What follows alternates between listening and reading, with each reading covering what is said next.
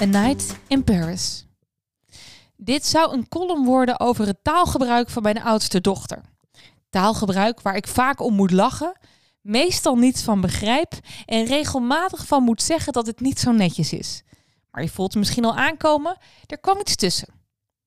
Als ik naar de kapper ga, neem ik altijd mijn laptop mee om de drie uur dat ik in de stoel zit, niet al mijn mom guilt in één keer te verbruiken. Ik hoor je denken, drie uur? Ja, dat is er voor nodig om mijn korte blonde bobje van highlights te voorzien. De ladies die ook het motto Blans have more fun aanhangen, begrijpen deze kwelling van tijdsverdrijf. Goed, ik zat daar dus bij de kapper met een klimaatramp aan folies in mijn haren en ik wil heel graag het gesprek dat ik met mijn kapster had met je delen.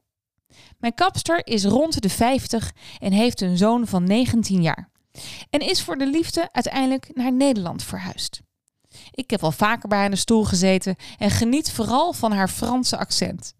Ze praten dus Nederlands, maar met zo'n leuk randje. Zo van, ik hou van Nederland. Ons eerste onderwerp van gesprek is natuurlijk corona, mondkapjes, terrassen, etc. Ze vertelt dat haar zoon van 19 al een jaar thuis is en niet uitgaat. En we komen tot de conclusie dat het terribel is als je nu die leeftijd hebt. En dat wij volop aan het feesten waren toen we zo oud waren. Ik in Amsterdam, zij in Parijs. Ze komt net zoals ik uit een klein vissersdorp, maar is uitgewaaid naar een grotere stad. Ze vertelt dat ze in Parijs terechtgekomen is nadat ze had meegedaan aan het WK kapper zijn. En ze werd tweede. Yes, ik ben in goede handen. En is toen blijven hangen in het avant-gardistische Parijs. Begin jaren 90 was ze elk weekend te vinden in het ruige nachtleven. En geloof me als ik zeg ruig. Ze begint wat zachter te praten en neemt me mee naar een weekend toen ze een meisje van 19 jaar was.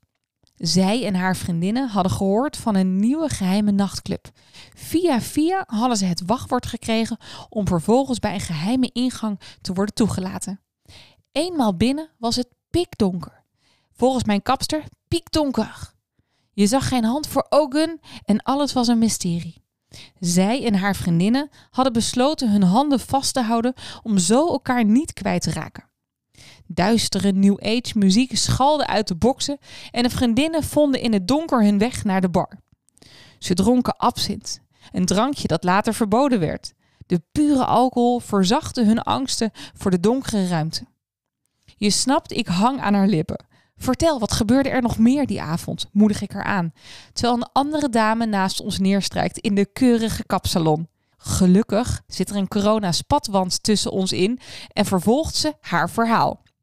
Er kwam op een gegeven moment een jongen naast haar zitten die in de eerste instantie vooral heel erg lekker rook. Het was niet een typische Franse eau de cologne.